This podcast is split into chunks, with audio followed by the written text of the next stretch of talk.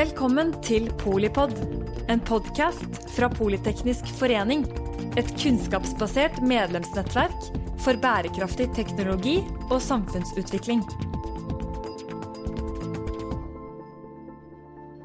Velkommen til en samtale om demokratiets kår. Jeg heter Ingrid Wiik og jobber til daglig i Utsyn, Forum for utenriks- og sikkerhetspolitikk. Utgangspunktet for denne podkastepisoden er følgende virkelighetsbeskrivelse. Et Norge som står overfor, eller midt oppi, eh, store omstillinger og kriser. Eh, vi skal fra svart til grønn økonomi. Eh, vi står midt oppi en digitaliseringsprosess som bl.a. får store konsekvenser for arbeidslivet, for utdanning. Som mange andre land så står vi midt i, oppi en demografisk storendring. Eh, eldrebølge, fraflytting fra mange deler av Distrikts-Norge, som endrer befolkningssammensetningen, og som også eh, truer grunnlaget for mange lokalsamfunn i Norge. Akkurat nå er det to helt umiddelbare pågående kriser. Pandemien er vi fortsatt i, strømkrisen. Og begge disse krisene illustrerer at folkets tradisjonelt sterke tillit til politikken har grenser. Mer generelt kan vi si at tilliten til kunnskap er eh, under press. Eh, relativisering av kunnskap. Hva den enkelte forstår som sant, usant, handler ofte om hvem man tror på, eller for mange hva, man tror på, hvem man tror på, ikke nødvendigvis hva de sier. Og alt dette skjer i en tid eh, der verden er mer uforutsigbar, med langt hardere geopolitiske gnisninger, og hvor ideer, strømninger, mennesker, markeder flyter på tvers av landegrenser, kontinenter i vår globale tidsalder. Dette påvirker eh, konfliktnivået også i det norske samfunnet. Det påvirker sårbarheten vår, og det påvirker og utfordrer politikken og demokratiet vårt. Vi skal snakke om medienes rolle, om eh, de sosiale medieplattformene, om politikken og mulighetsrommet for politikk. Og med oss har vi et høyst relevant panel med tre personer som på ulike måter er involvert og engasjert i norsk politikk og samfunnsutvikling. Jeg begynner med deg, Ingrid Marie Våg Enderud. Du er politisk rådgiver i Kunnskapsdepartementet. Kort om deg. Ja, jeg er eh, sosialdemokrat fra Gjøvik, 28 år, bodd i Oslo de siste ni. Jobber som politisk rådgiver for uh, Tonje Brenna, nå i Kunnskapsdepartementet. Og så holder jeg også litt sånn på sida på med å ta en master i demokratibygging i Bergen. Men uh, det har vist seg å være litt uh, tight med tid i denne nye jobben. Og velkommen til deg. Og så har vi Henriette Jevnerud, nestleder i LO Stat. Ja. Si litt om deg og om LO Stat. Ja. Uh, Henriette Jevnaker. Jeg er nestleder i, i LO Stat. Det har jeg vært i litt over et år. Den, uh, det å bli valgt midt i en pandemi er jo en uh, interessant erfaring. LO Stat er jo en sammenslutning av Vi er jo en del av LO. Og er en sammenslutning som har som formål, det står i vedtektene våre, at vi skal virke for medlemmenes faglige, sosiale og økonomiske fellesinteresser. Eh, vi har to uh, søyler som vi står på. Den ene søylen er at vi er en forhandlingssammenslutning. Dvs. Si at vi er en hovedsammenslutning i staten. Uh, og så er vi da sentral part i Spekter. Så det er jo offentlig sektor som er vårt område, staten og Spekter. Den andre beinet vi står på, det er kurs og opplæring. Altså vi skolerer tillitsvalgte i de 17 medlemsforbundene våre. Så vi har altså ikke direkte medlemmer Eller eh, medlemmene ute på arbeidsplassen er jo ikke da direkte medlemmer hos oss, de er indirekte medlemmer gjennom at de er medlem av et forbund som er tilslutta oss. Så vi forhandler, og vi kurser og skolerer. Det er det vi gjør. Takk for det, og beklager at jeg sa feil eh, etternavn. Men du korrigerte det fint. Og sist, men ikke minst, så har vi med deg eh, Gudmund Hernes, eh, professor i sosiologi, samfunnsdebattant, tidligere politiker også. Kan ikke du fortelle lytterne litt om deg og din bakgrunn? Siden vi hørte om Nello Stat, så bør jeg vel begynne med å si at jeg er medlem av NTL, så har jeg vært med i årevis. Ellers er jeg også da samfunnsforsker, var tidlig engasjert i den første maktutredningen og den første levekårsundersøkelsen har studert og virket både i Norge og i andre land. Har vært eh, statssekretær og statsråd, og er stadig aktiv som professor på BI. Og eh, er stadig en som ikke har sluppet i penneskaftet. Så jeg skriver og herser med folk hele tiden. Takk for det. Det var en flott introduksjon. Jeg tenkte jeg skulle starte og gå videre med deg, Gudmund. fordi vi må liksom sette Hva er det vi snakker om her? Vi snakker om konflikter og skillelinjer i norsk politikk. Hvis du som har vært med en stund, kunne si litt om eh, for det første, hva mener vi når vi snakker om skillelinjer? Og hva er nytt, og hva måte, er det som vi alltid har sett? Jeg kan si eh, For denne diskusjonen er det to typer av skiller som er vesentlige. Det ene er forskjellene i levekår. Og det andre er hvordan disse forskjellene kommer til politisk uttrykk. Og hvis man går tilbake til eh, tiden etter at vi fikk Grunnloven, så var det noen helt grunnleggende skiller som satte seg. Det ene gikk på inntekt og kilden til inntekt. Om det var lønnsarbeid, eller om det var eh, fra gård og grunn, eller som leilendinger. Og eh, et annet skille som var vesentlig, var forskjellen mellom den gang bondesamfunnet og folk i byene, embetsstaten, altså det vi nå kaller sentrum og periferi. Men samtidig vokste det frem også en del andre mer kulturelle skiller, det vi i Norge kaller motkulturene, som gjerne forbindes med lavkirkelig religion, med avholdssak og med målstrid. Og disse skillelinjene i samfunnet kom så til uttrykk etter hvert i politiske partier. Det skjedde sånn fra 1880-årene og utover. Og eh, da fikk man først et skille mellom de partiene som allerede var på Stortinget, Høyre og Venstre. Og så etter hvert kom de andre partiene inn, som sto utenfor Stortinget, men med utvidet stemmerett. Så kjempet de seg til plass, og så brukte de staten til å omforme det samfunnet de sprang ut av, og de formet velferdsstaten gjennom årtiene som fulgte. Og det er jo også da noe som i høy grad styrer våre oppfatninger om politikk, og hva politikken bør gjøre i dag. Mm. Og hvis du skulle peke på liksom de mest sånn altså, på de debattene da, som pågår akkurat nå. På hvilken måte er, manifesterer de seg i disse skillelinjene som vi tradisjonelt har i norsk politikk? For det første så er det én som har fått større vekt de siste ti årene. Og det er de sosiale forskjellene. Altså at ulikheten har økt, og at det også da har satt seg kraftigere inn i de programmene som partiene eh, forfølger. Og ikke bare har ulikheten økt eh, mellom inntektsgrupper, men den har også økt geografisk. Og det er også da den type sentrum-periferistrid som vi har sett, med strid om alt fra Andøya til ta hele landet i bruk osv. Den type stridigheter. Men så er det jo også et veldig sterkt press som kommer utenfra, fra internasjonale massemedier, som påvirker de oppfatningene folk har. Det er fritiden de velger, den måten vi kommuniserer på. Og det setter seg også i nye konflikter. Mm. Og måten vi driver politikk på, er også endret som følge av dette. Mm. Er dette et bilde du kjenner deg igjen i, Henriette? Altså den beskrivelsen? Uh, ja, jeg, jeg, jeg, gjør jo det. det er jo utrolig godt formulert. Uh, det må jeg si. Uh, ja, nei, altså det er, jo, det, er jo, det er jo krevende, ikke sant. Og det er uh, og Samtidig så er det Jeg kjenner meg godt igjen i situasjonsbeskrivelsen. Og så er det også slik at vi ser at folk er opptatt av det på en positiv måte også. ikke sant? Eh, Aftenposten gjorde jo i forkant av altså i oppkjøringen av valgkampen så gjorde Aftenposten en undersøkelse gjennom Norstat for å se hvilke saker er det velgerne i Norge er mest opptatt av. Og det de var mest opptatt av, er jo ulikhet. ikke sant? Sosial ulikhet.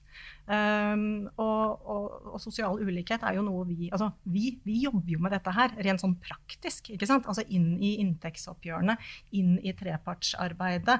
Dette her med utjevning, eh, inkludering gjen, gjennom trepartsarbeidet. Dette, dette, er jo det vi holder på med, helt, helt sånn praktisk. Ja, for det handler om eh, det handler om, eh, om, så mange ting, hvordan for, samfunnet skal, skal, utformes. Men det handler jo også om kroner og øre. Hvordan inntektsoppgjørene våre skal uh, Hvordan den fordelingen skal skje gjennom inntektsoppgjørene. Da. Rett og slett for å, for å uh, løfte alle.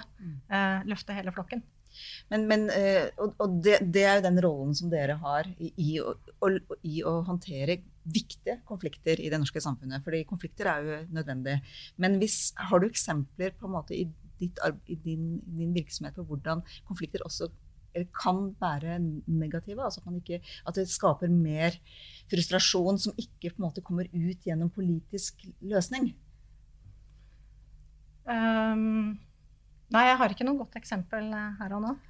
Hvordan påvirker f.eks. strømkrisa eh, dine medlemmer? Ja, ja. Nei, altså der har man jo der, sånn der, har vi ferske, der, har vi jo, der har vi jo helt ferske ting. Og det er klart at det, eh, vi ser jo som, som sosiale massemedier, som, som Gunvor var inne på, dette med at, at man klarer å mobilisere så store grupper, så store, eh, så, så store eh, folkemengder.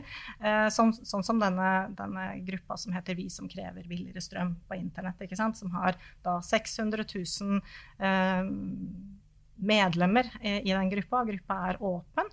Uh, og så har kanskje folk blitt medlem av den gruppa fordi at de er reelt sett opptatt av uh, billigere strøm. Og jeg har full forståelse for den strømkrisa som folk står i nå, lavinntektsfamilier, uh, næringslivet i det hele tatt. Men men eh, så, så, er det sånn at man går inn i en gruppe fordi man er opptatt av billig strøm, og så opplever vi jo nå at den gruppa kanskje har en annen agenda.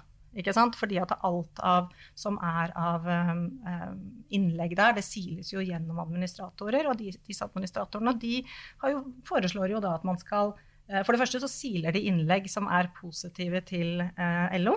Uh, og på den annen side så legger de ut selv og dette at de mener at folk burde melde seg ut av LO hvis de er opptatt av uh, strømprisene. Og det, er, og det, er, jo uh, veldig spesielt. fordi at da har man på en måte en litt sånn litt, litt sånn lettvint omgang, da. Med, med liksom litt sånn lettvint tilnærming. For man, man, er ikke på en måte villig til å se hva, all den, kamp, den, kampen LO gjør. da. Sånn som mm. Fellesforbundet med Jørn Eggum i spissen og Industriaksjonen, ikke sant, som jobber for akkurat det samme. Men man skaper på en måte en sånn massebevegelse og um, um, ja, og, og, at man på en måte Det er jo ikke noe redaktør, redaktørstyrt, det her. ikke sant? Det er bare en veldig veldig mange mennesker som blir fortalt at hvis du melder deg ut av LO, så vil du få billigere strøm.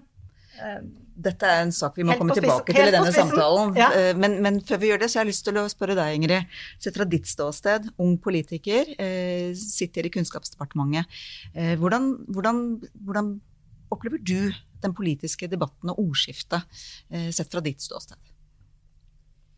Jeg tror at det er eh, en eh, virkelighet som vi begynner å gjøre oss kjent med. Da. Dette at vi lever litt i hver våre bobler. Eh, det som eh, Henriette beskriver nå, med at eh, man er kanskje med i en Facebook-gruppe der man ikke helt klarer å se at det som skjer, er at noen stemmer eh, redigeres ut. for vi er så vant med at de har lokalavisa som har kommet på trammen hver dag helt fra du var liten der er det noen spilleregler som vi alle er kjent med, alle aksepterer for hva slags type innhold er det som kommer opp eh, på forsida og, og, når du blar deg gjennom den avisa. Men sosiale medier gir oss jo de der boblene, de ekkokamrene, hvor vi kan sitte og på en måte, bygge en hel virkelighet da, som ser helt annerledes ut for meg enn den gjør for Gudmund f.eks. Kanskje fordi vi har likt ulike ting på Facebook eller Instagram eller uh, hvor det måtte være. Jeg gjorde et lite eksperiment med dette en gang. Jeg har jobba sammen med Tonje i eh, snart fire år. Og hun er jo en av de politikerne som gjerne blir ganske sånn utsatt da, for en del eh, mørkemenn ut på høyresiden. Eh, og så var jeg interessert i å finne ut av hva står det egentlig i de gruppene som jeg ikke slipper inn i, og hvordan ser det ut? Da? Så jeg lagde en falsk Facebook-profil det er sikkert ikke lov å gjøre, men, eh, men jeg gjorde det. Um, og prøvde bare å bli med i noen av de her Facebook-gruppene som ja, het Norge for nordmenn osv. videre Og, og la til en del av de folka der som venner, bare for å se. Og den Facebook-feeden jeg fikk opp når jeg logga meg inn som den profilen, det er noe av det tristeste og øh, farligste jeg noensinne har sett. Uh, og jeg tror at hvis jeg trodde på at verden var sånn. At uh, innvandring var så farlig. At klimaendringene ikke var reelle. Ikke Alt det virkelighetsbildet da, som malte seg opp der. Så hadde jeg jo heller ikke tenkt at det som sto i lokalavisa eller i VG eller NRK, var sant. Så det er nok en av våre virkelig store utfordringer. Hvordan skal vi klare å lage en felles forståelse av hva er det vi diskuterer? Hva, hvordan ser samfunnet vårt ut? Eh, og der er jo strømdebatten et godt eksempel på det. At eh, vi snakker om samme sak og samme problemstilling, men så har vi helt uh, ulike bilder av uh, hvorfor det har blitt sånn, og hva som er ståa. ja, det, er, det, er, ikke lett for en vanlig forbruker å, å finne fram til fakta her. Altså hvordan, hvordan, man skal forstå strømkrisa. Det er komplekse politiske løsninger bak og, og, og, forordninger. Har klare mediene å beskrive dette godt nok, sånn at folk kan ta si, informerte valg? Hva tenker du om det, Gudmund Hernes? Du har skrevet litt om strømkrisa. Jeg tror nok at uh, vi så å si snakker om et samfunn i flere etasjer. Fordi den redigeringen som stadig pågår i de masse, tradisjonelle massemediene, avisene, kringkastingen, TV 2, alle disse redigerte mediene, det pågår stort sett som før. Men så er det slik at det har kommet til helt nye arenaer, og der er det vi kan gå inn som individer og som isolater. Og vi kan være sammen med meningsfeller som vi aldri har møtt. Og det betyr at alle de uformelle, små småsamfunnene, lagene, selskapene, hvor vi kunne korrigere hverandre med et lite skråblikk, eller nå tar du vel litt langt på vei, og alle sidebemerkninger vi har for å holde styr på hverandre, de er filtrert vekk. Og at man da kan hisse hverandre voldsomt opp. Og det betyr også at man kan få veldig sterke stemningsbølger. Nå er det noen tidlige eksempler også på at tilsvarende ting har skjedd. For å ta et fra som til og med er før min ungdom. Det var da Tysklandsbrigaden. Det var norske styrker plassert i Tyskland etter annen verdenskrig. Og den største folkeaksjonen vi har hatt i norsk historie, det var protesten mot at det skulle utdeles gratis kondomer til soldater i Tysklandsbrigaden. Det tror jeg fikk veldig fort eh, sånn 700 000 som protesterte mot dette. En kjempeaksjon. Men etter det så er det vel ingen annen aksjon som har vokst så fort som strømkrisen. Og grunnen til det, det er at det slår så direkte inn i folks velferd. Og jeg tror her er det mange som føler at dette er noe helt annet enn det vi ventet. Dette er noe helt annet enn det vi blir, ble lovet, og at vi er blitt lurt. Og nå må vi få styr på dette igjen. Og da kommer det her en veldig sterk politisk strømning som jeg tror at man ennå ikke har funnet et ordentlig svar, svar, på. Heller ikke et svar på hvordan man skal kommunisere med vanlige folk om dette. Slik at de kjenner seg igjen i det som er deres daglige virksomhet. Mm. Virkelighet.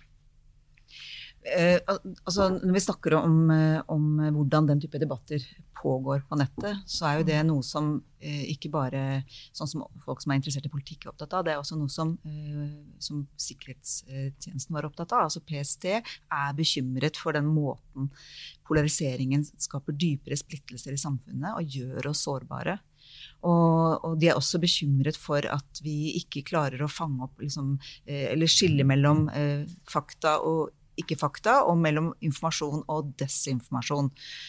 Eh, og jeg kan jo tenke meg at I en strømkrise for eksempel, så er det et veldig stort mulighetsrom for de som ønsker å spre falske, falske nyheter da, eller fakta for å på en måte dra opp temperaturen. Men denne, måte, denne, denne, innsikten som de har, og bekymringen for demokratiet, det handler jo også om hvordan, man, hvordan enkeltpersoner blir utsatt. Du nevnte Tonje Brenna, din eh, sjef og kollega. Eh, dette får jo noen konsekvenser eh, for deltakelse osv. Henriette, kan du, ja, er det noe du på en måte ser i din organisasjon? Altså frykten for å delta? Ja, absolutt. Det er, det er, ikke noe godt å bli utsatt for den hetsen som, som mange blir, og jeg har opplevd det selv også. Det, det, det, er jo sånn det er å delta i det offentlige ordskiftet. Så man må jo prøve å brush it off, men det er ikke så, så lett alltid det. Eh, jeg kan jo si noe om hvordan, hvordan, vi, eh, hvordan jeg ser på den jobben vi gjør da, eh, for, for å møte dette her. ikke sant? For i LO-stat så holder vi jo på med, med kurs, og, kurs, og, skolering. Og det er jo alt fra liksom, lokale temakurs og helt opp til masterstudier. Vi har et samarbeid med Universitetet i, i Bergen. Og, og, det vi gjør, det er jo at vi møtes. ikke sant? Altså, tillitsvalgte og medlemmer eh, møtes. De er, møtes på tvers av geografi, på tvers av profesjoner, eh, på tvers av liksom, etnisk bakgrunn. Altså, alle, alle, mulige mennesker er jo medlemmer i LO. Jeg syns det er så urettferdig at vi blir omtalt som liksom en homogen masse, fordi at eh, internt i LO så er det veldig mye friske, friske diskusjoner og, og, et uenighetsfellesskap. ikke sant? Eh, men, men, det vi gjør, er jo at vi lar folk møtes, og så er det, ja, så er det, så er det jo temaer, men det er også gode, store arenaer for å diskutere. Da, og liksom med, drive med aktiv meningsbryting, det er også innmari eh, viktig. Og så er det noe med at vi har noe som ligger i bånn, at vi er organisasjonsmennesker. Så vi går inn i diskusjoner. Vi er, ikke, vi er ikke redd for konflikt på sak, for det driver vi jo med. Men når vi på en måte har, har, har gjort et vedtak eller kommet fram til en beslutning, så, så, forsoner vi oss med det. Og så kan man jo være uenig, men man forsoner seg med det på en måte. Og det, det tror jeg er så viktig at vi tilbyr da, de arenaene der hvor folk faktisk kan være uenige.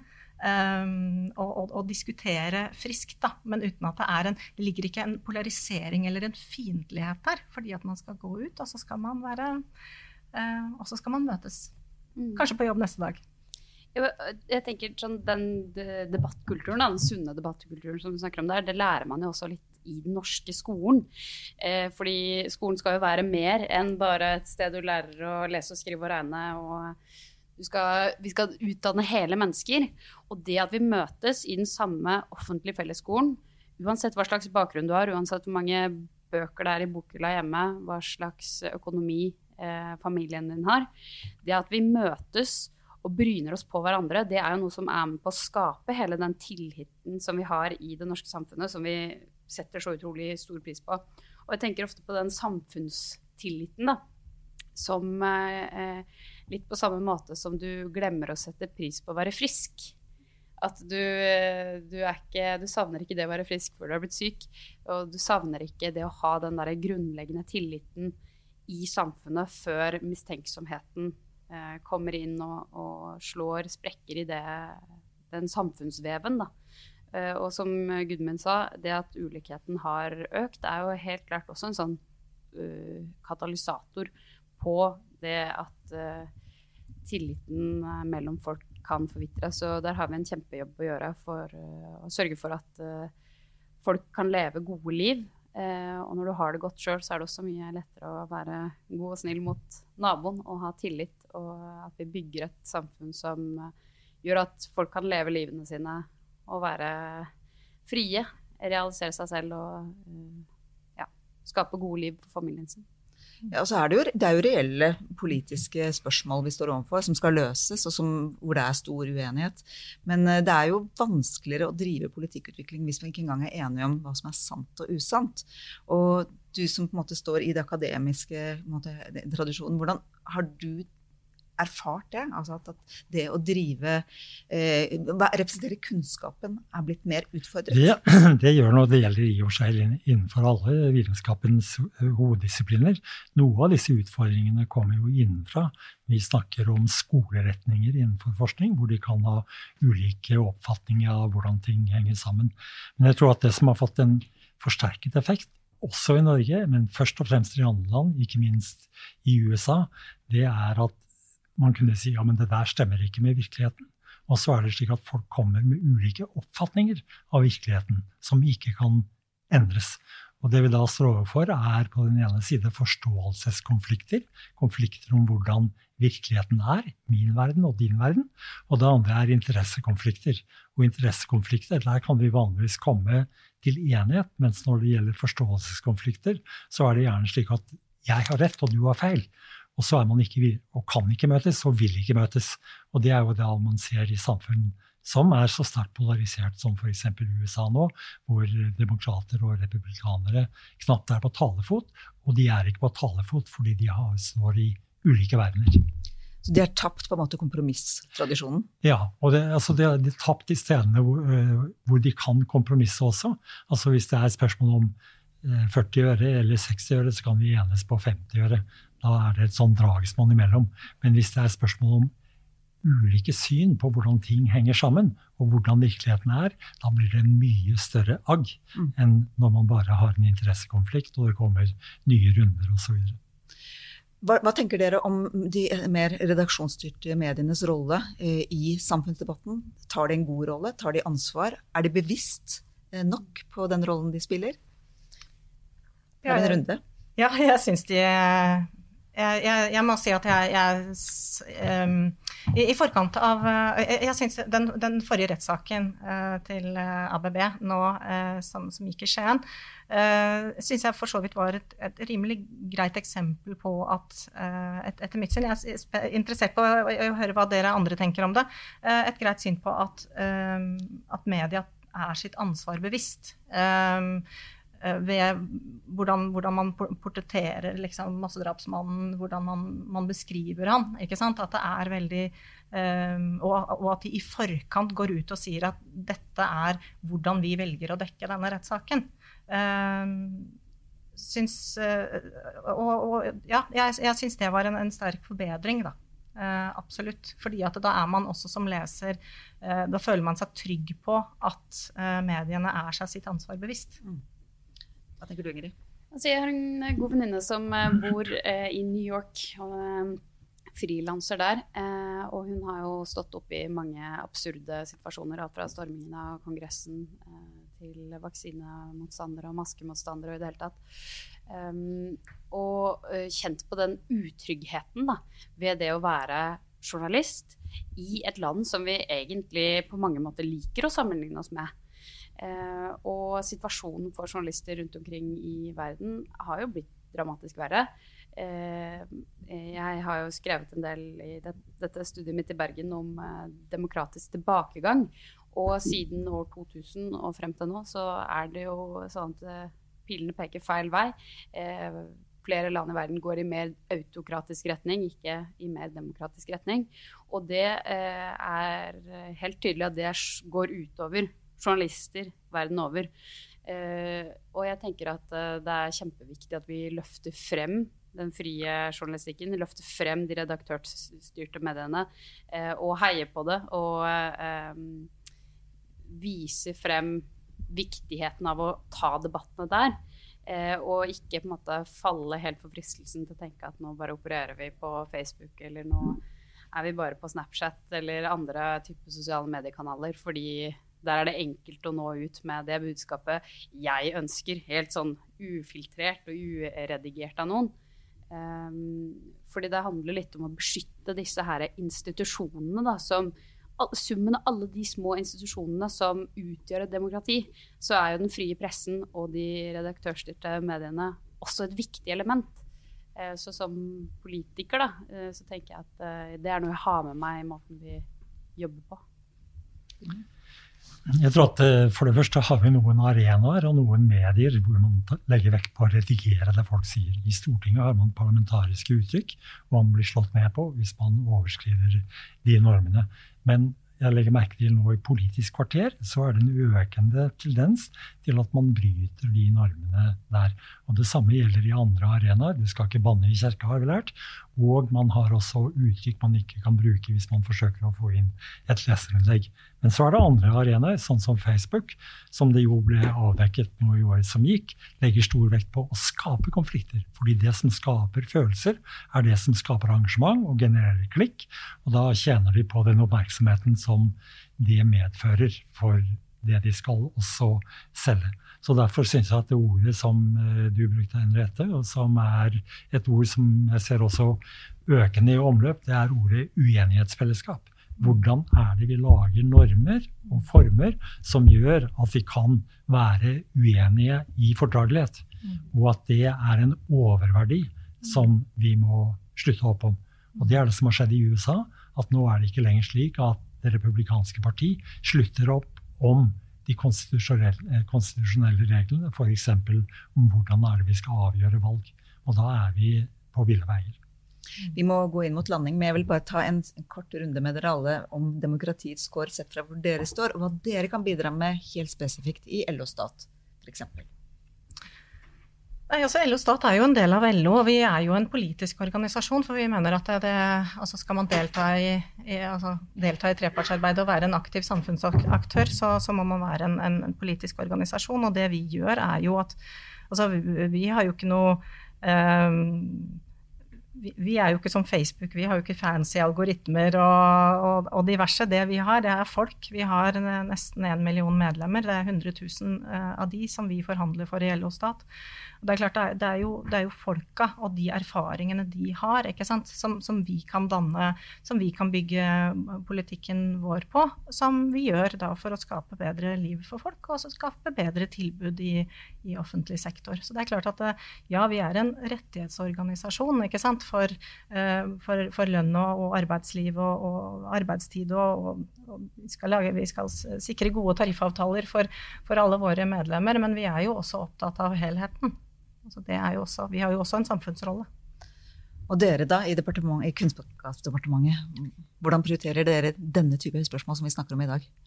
Jeg tror det viktigste bidraget er å sørge for at alle ungene våre møtes i fellesskolen, eh, får en eh, god utdanning, eh, som gjør at de kan forme de livene de ønsker.